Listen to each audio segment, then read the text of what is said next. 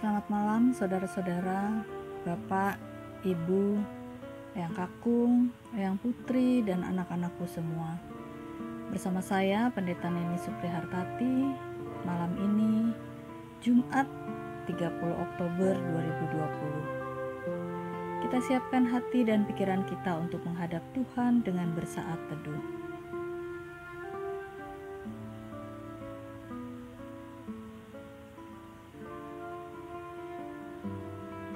Bacaan Alkitab dari Yehezkiel pasal 13 ayat 1 hingga ayat 9. Yehezkiel 13 ayat 1 hingga ayat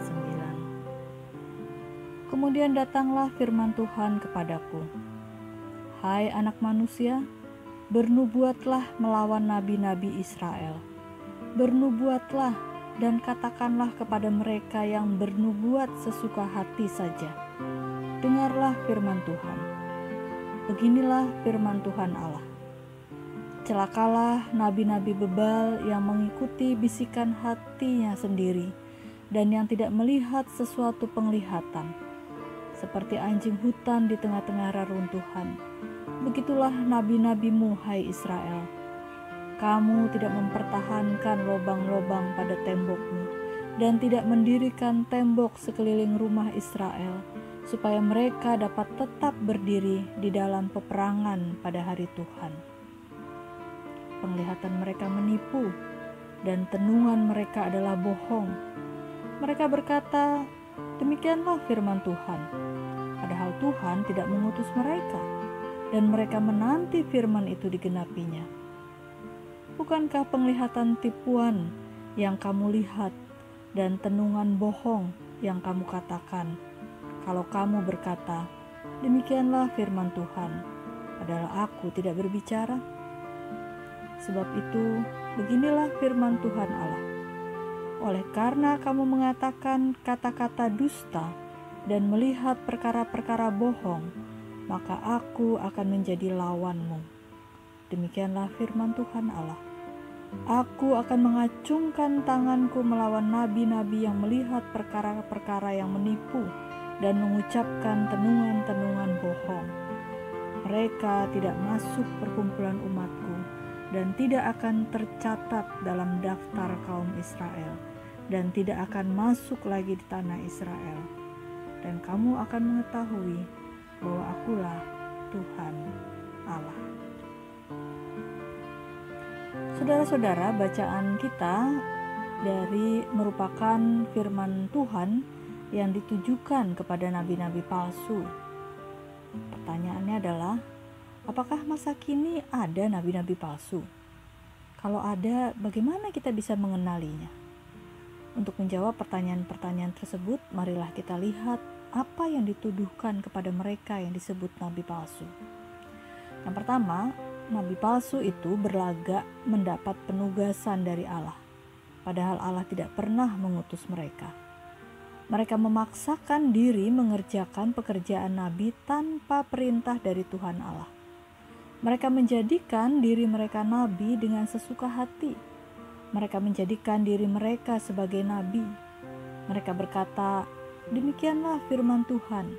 Padahal Tuhan tidak pernah mengatakan yang mereka katakan. Mereka mengaku-ngaku menjadi utusannya, padahal Tuhan tidak mengutus mereka tidak memberi mereka perintah apa pun. Para pengaku nabi palsu akan didukung oleh orang-orang yang tidak percaya Tuhan dengan mengatakan bahwa semua nabi memang begitu. Mereka sangat pandai dalam perkara-perkara duniawi, namun mereka tidak mengenal serta mengalami sendiri perkara-perkara tentang Allah. Yang kedua, Nabi-nabi palsu itu mengaku-ngaku mendapat petunjuk dari Allah, padahal Allah tidak pernah menyatakan dirinya dan pikirannya kepada mereka. Mereka mengikuti bisikan hati mereka sendiri. Mereka menyampaikan pesan yang kata mereka berasal dari Allah, padahal itu hanya rekaan mereka sendiri untuk memenuhi kepentingan mereka sendiri atau khayalan mereka sendiri yang tidak karuan untuk melampiaskan angan-angan mereka. Mereka mengaku-ngaku bahwa apa yang mereka katakan itu adalah firman Allah, padahal Tuhan tidak berkata-kata kepada mereka. Apa yang mereka sampaikan bukanlah apa yang telah mereka lihat atau dengar. Tidak seperti yang disampaikan oleh hamba-hamba Kristus. Kita bisa baca itu dari 1 Yohanes pasal 1 ayat 1. Melainkan sesuatu yang telah mereka impikan atau mereka sangka akan menyenangkan banyak orang karena ada keuntungan yang ingin mereka dapatkan dari orang-orang itu. Hal ini disebut penglihatan menipu dan tenungan bohong. Ketiga, mereka tidak berupaya mencegah penghakiman dan penghukuman Allah agar orang berdosa segera bertobat dan memperbarui diri mereka. Dikatakan dengan mendirikan tembok untuk mencegah bahaya. Mereka berkata-kata hanya ingin menyenangkan orang. Dikatakan mereka seperti anjing hutan di tengah-tengah reruntuhan, berlari ke sana kemari dan tampak sedang sangat terburu-buru.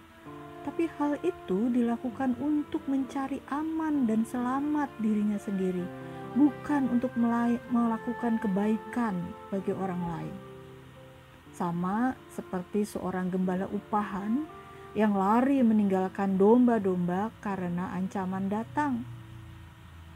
Mereka seharusnya berdoa bagi kaum Israel untuk menjauhkan murka Allah.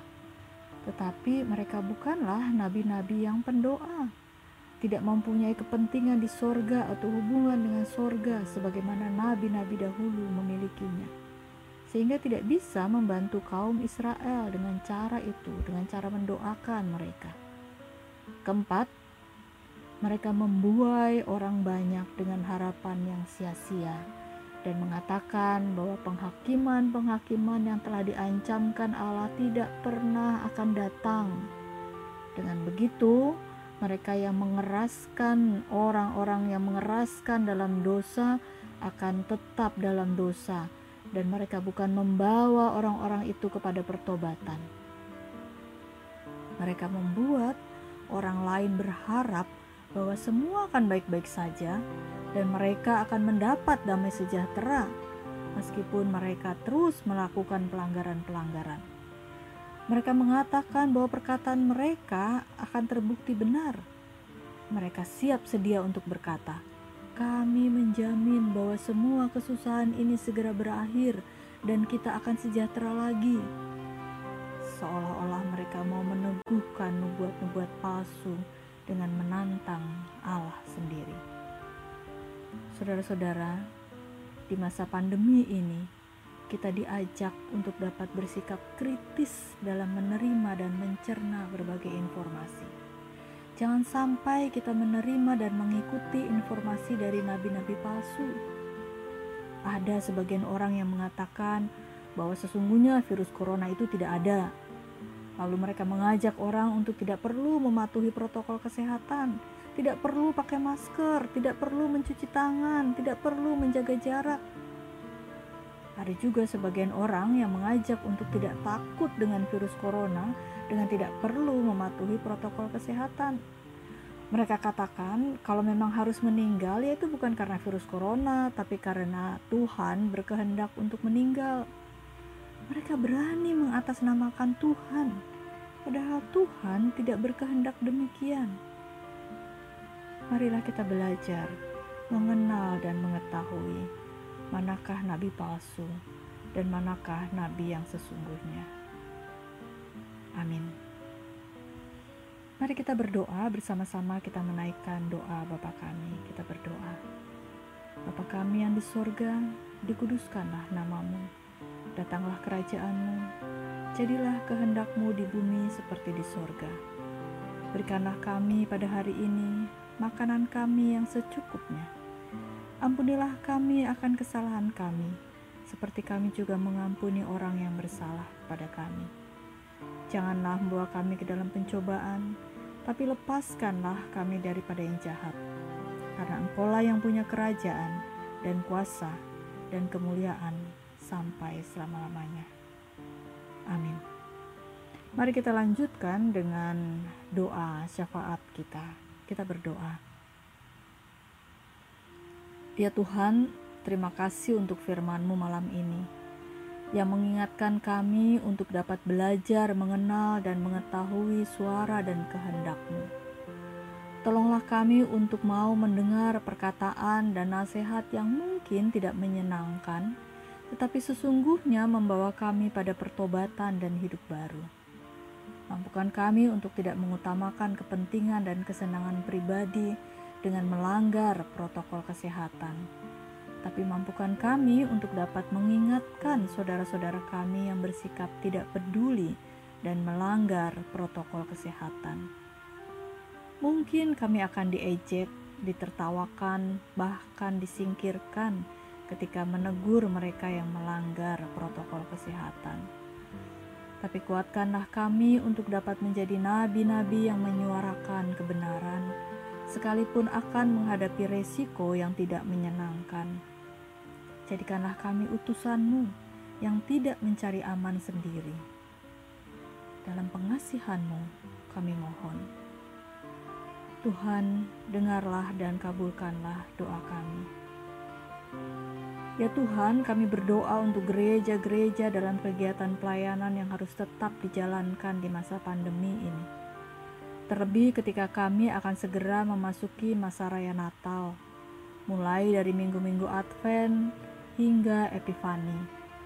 Tentu gereja-gereja ingin tetap dapat menghayati masa raya Natal dengan baik Gereja-gereja tetap ingin menghadirkan damai dan sukacita Natal meskipun di masa pandemi.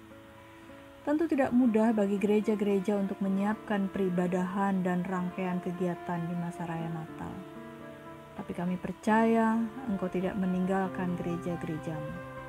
Untuk itu ya Tuhan, kami mendoakan majelis gereja dan panitia masa raya Natal dalam mempersiapkan segala sesuatunya Berikanlah hikmat yang dari Engkau, agar segala yang dipersiapkan hanyalah untuk kemuliaan dan kebesaran namamu, dan bukan untuk memenuhi keinginan dan kepuasan diri sendiri.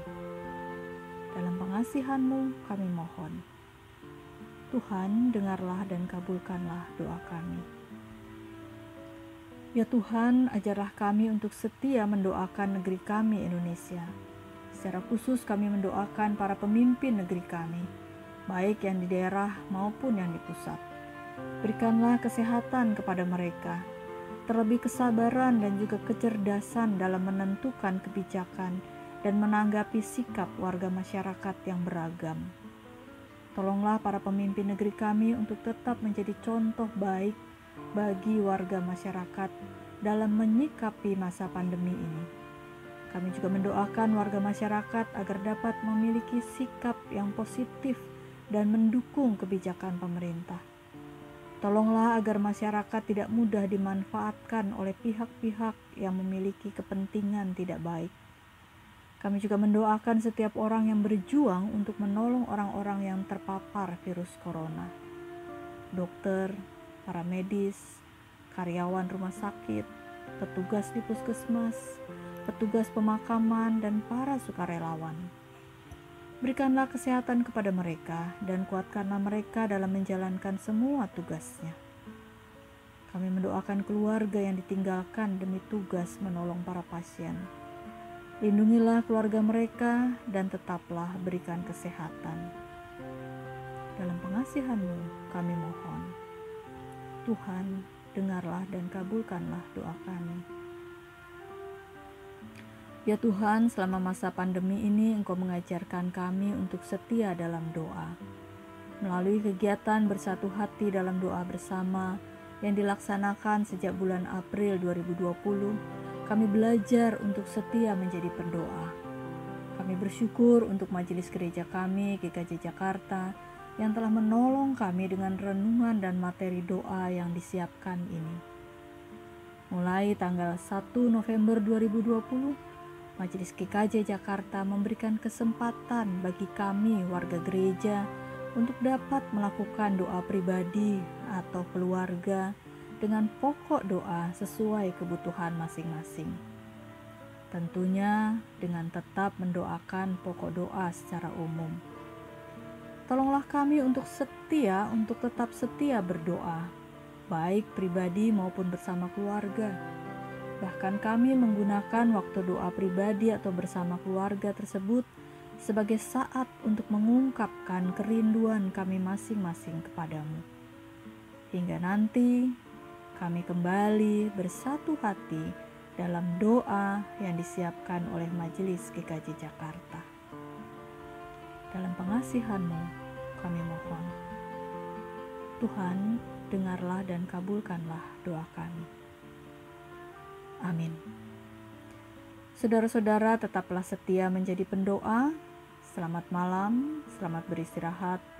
Tuhan menjaga kita semua.